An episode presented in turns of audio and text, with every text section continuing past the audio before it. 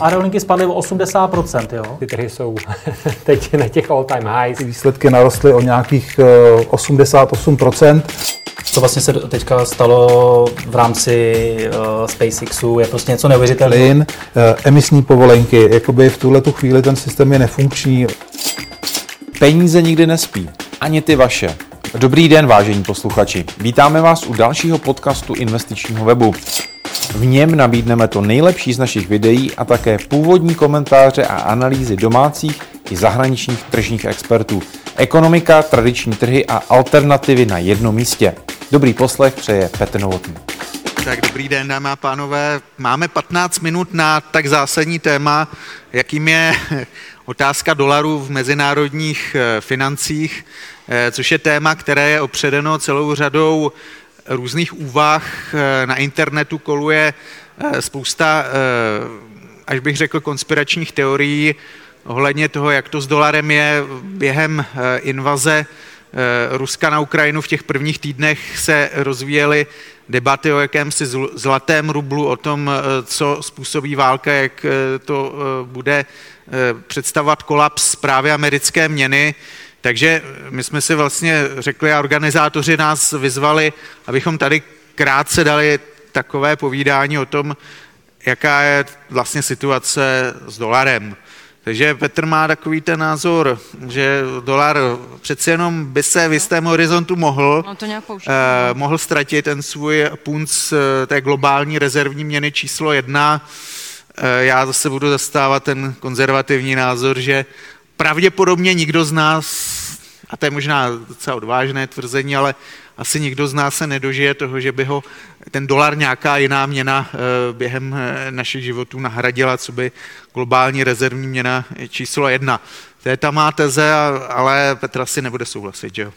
No, já se na to koukám možná trošku jinak, na konci třeba uděláme tady s Lukášem závěr, který bude určitým kompromisem, ale v zásadě uh, tyhle ty debaty o tom, že dolar skončí, se tady vedou strašně dlouho. My s Lukášem prostě, když jsem ho někdy pozval před 15 lety do České televize, tak jsem se ho ptal, Lukáš, jak to bude s tím dolarem? Teď se zase na ně útočí a, hele, a Lukáš argumentoval, podívej se, jak vypadají rezervy jednotlivých států a když se vlastně odrazím, a dneska je rok 2023, tak moc velkých změn se uh, nedoč, nedočkali.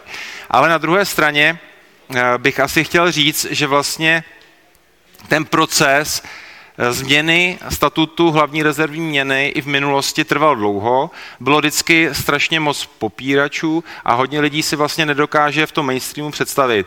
Greenback tady nebude, Eh, greenback nebude, nebo dolar nebude mít status měny, za kterou se budou obchodovat komodity, to je vlastně jako petrodolar.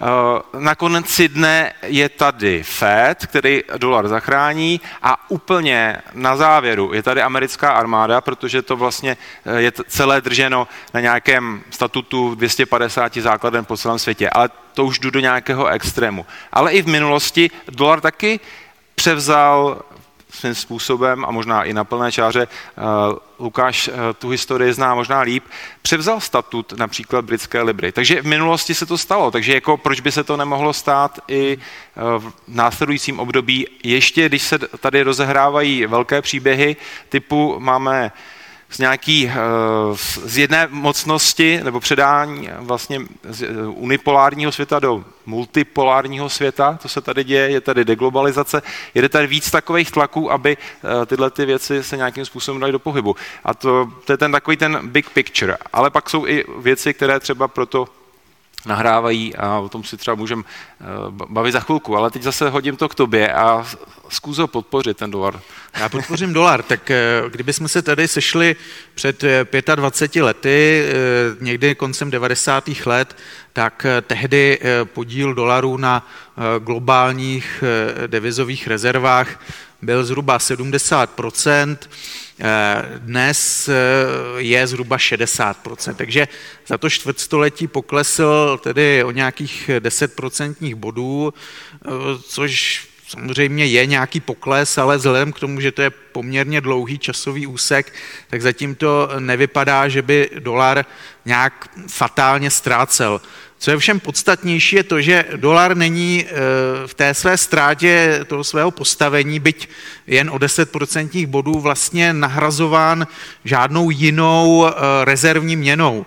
Dalšími rezervními měnami, které připadají v úvahu, jsou euro, libra, eh, japonský jen, Někdy se hovoří o čínské měně renminbi, ale když se podíváme, kam vlastně uplynulo, těch, odplynulo za těch 25 let, těch 10% bodů z těch rezerv eh, v dolaru, tak jsou to měny eh, zemí, jako je Kanada, Austrálie, Jižní Korea a Švédsko. Eh, tím chci říct to, že ano, dolar něco ztratil, ale vlastně není tady žádná jiná alternativa, která by ten dolar nahrazovala. Eh, není to euro, není to libra, není to jen, není to čínská měna, o níž se v této souvislosti často hovoří. Ona vlastně vzala zhruba třetinu z toho, eh, co ten dolar ztratil, řekněme nějaká 3%, sice ano, ale to je v drtivé míře tvořeno tím, že Rusko si e, tvoří velké rezervy právě v čínské měně.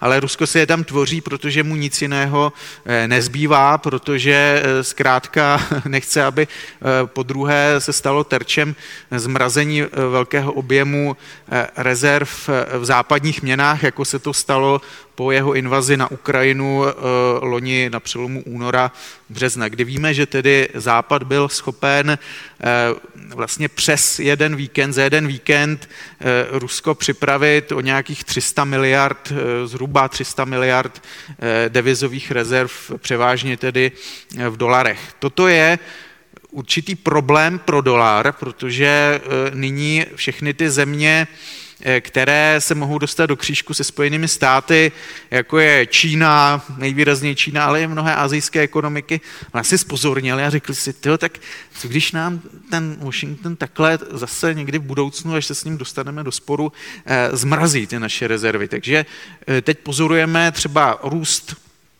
zájmu o investice do zlata ze strany centrálních bank těchto zemí.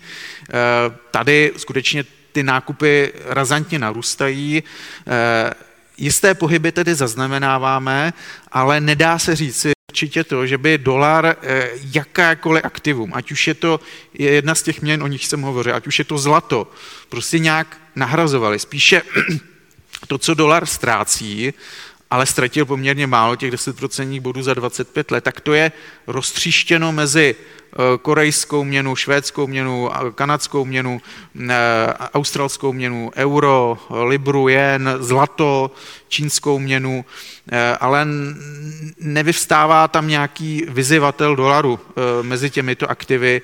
A já to vidím na dalších 25, 50 let, než se nějaký takový vyzivatel objeví, pokud nedojde k nějaké události typu třetí světové války, to samozřejmě by úplně eh, ze vším eh, zamíchalo, a pak by další takový vývoj byl nepredikovatelný.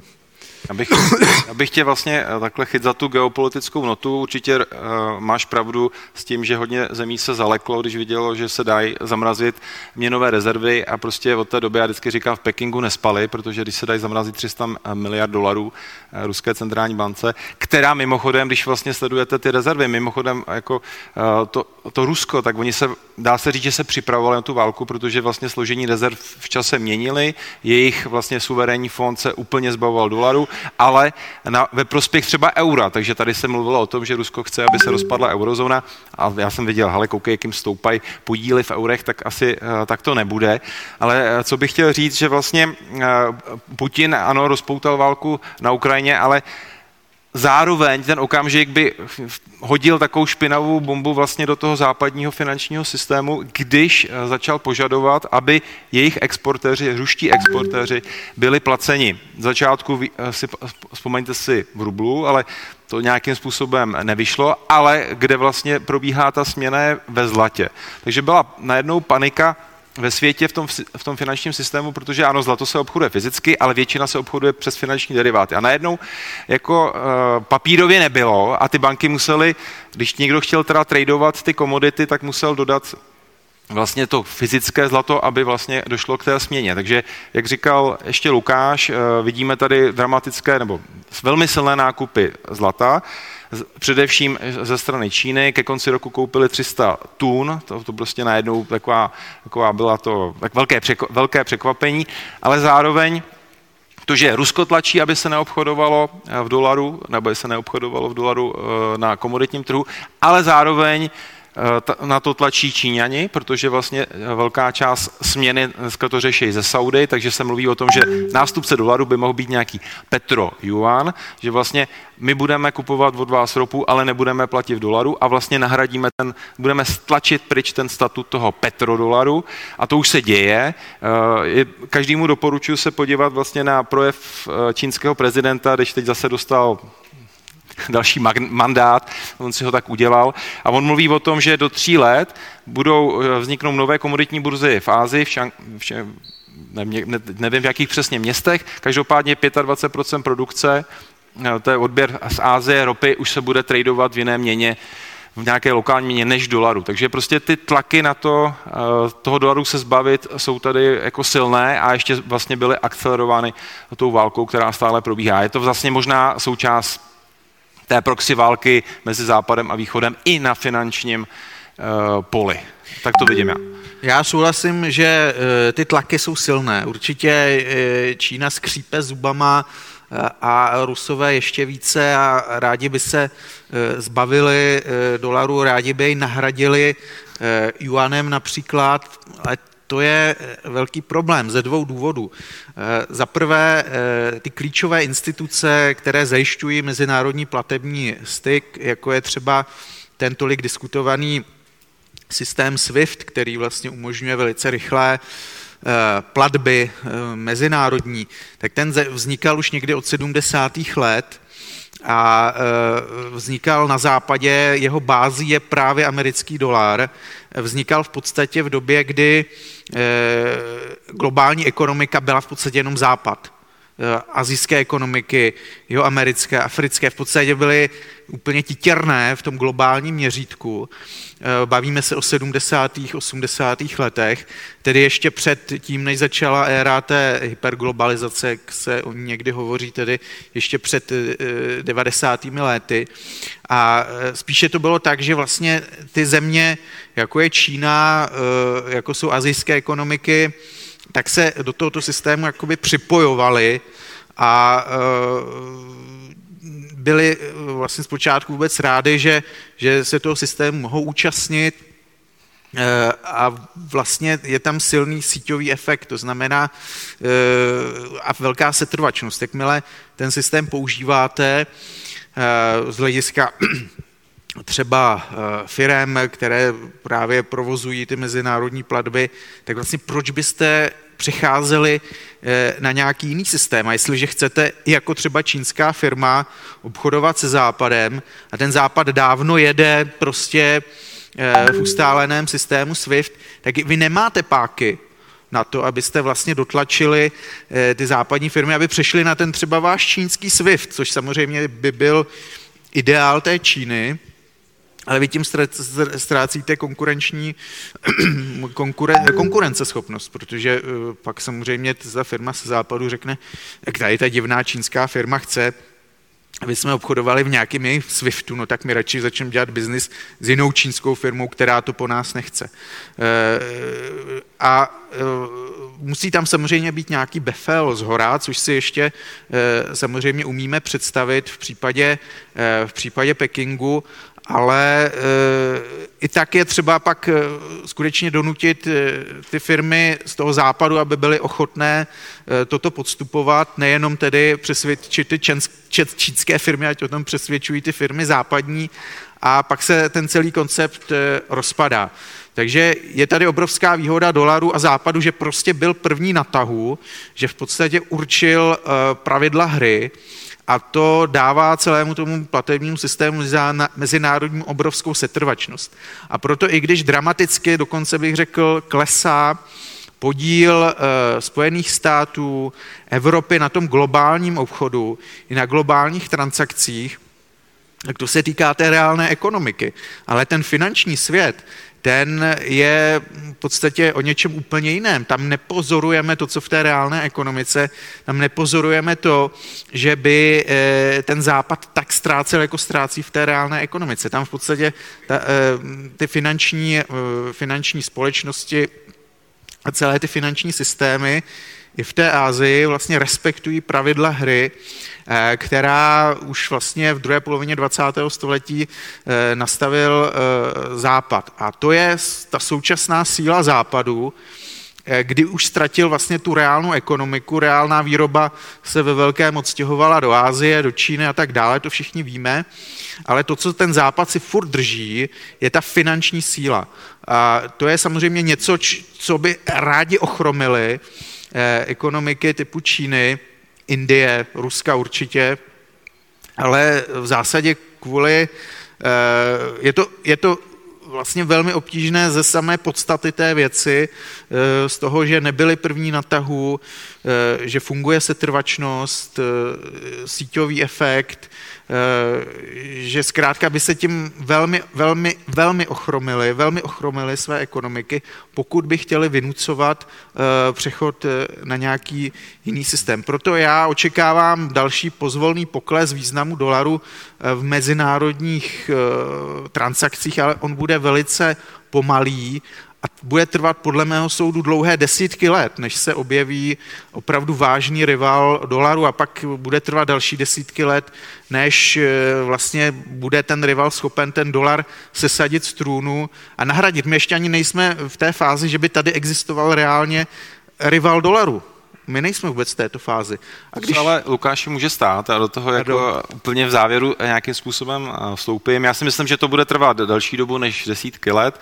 Eh, náhodou může být třeba, eh, dneska tady byla diskuze o digitálních měnách, může to být nějaká digitální měna fiat měna, kterou vytvoří ani ne FED, ale může to vytvořit Mezinárodní měnový fond. A to může být takový přechod do nějaký takový globální digitální měny. Může to být zlato, který, které v rezervách je a nabývá na, na významu, jak eh, jsem tady zmiňoval v kontextu vlastně eh, k té komoditní směny. A jenom bych chtěl doplnit, že vlastně tuhle tu změnu a vlastně dostat se od vlády dolaru není jenom ze strany vlastně hlavně tak jako Rusko jasný, Čína, Indie, ale vlastně k tomu BRICu se dneska připojují ještě další země, které vlastně jako uh, ten dolar potřebovaly by se ho nějakým způsobem zbavit.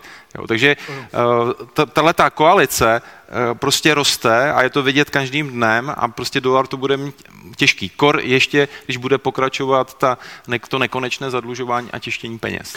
Ne, tak jednoznačně to zadlužování je velký problém, stejně jako je velký problém to, že se obje, nebo tedy z hlediska dolarů, že se objevují různé kryptoměny a různé pokusy o elektronickou směnu, digitální yuan a tak dále. Eh, to jsou věci, které já v tuto chvíli neumím dohlédnout, samozřejmě kam, kam můžou vést. Nemyslím si ovšem, že by eh, to měl být zrovna měnový fond, mezinárodní měnový fond, který by nějak vedl k ústupu dolaru, jehož aktivity by vedly k ústupu dolaru, protože mezinárodní měnový fond je podstatě americkou institucí, sídlí ve Spojených státech, že už jen z tohohle důvodu, řekněme, politického, to nikdy nedopustí.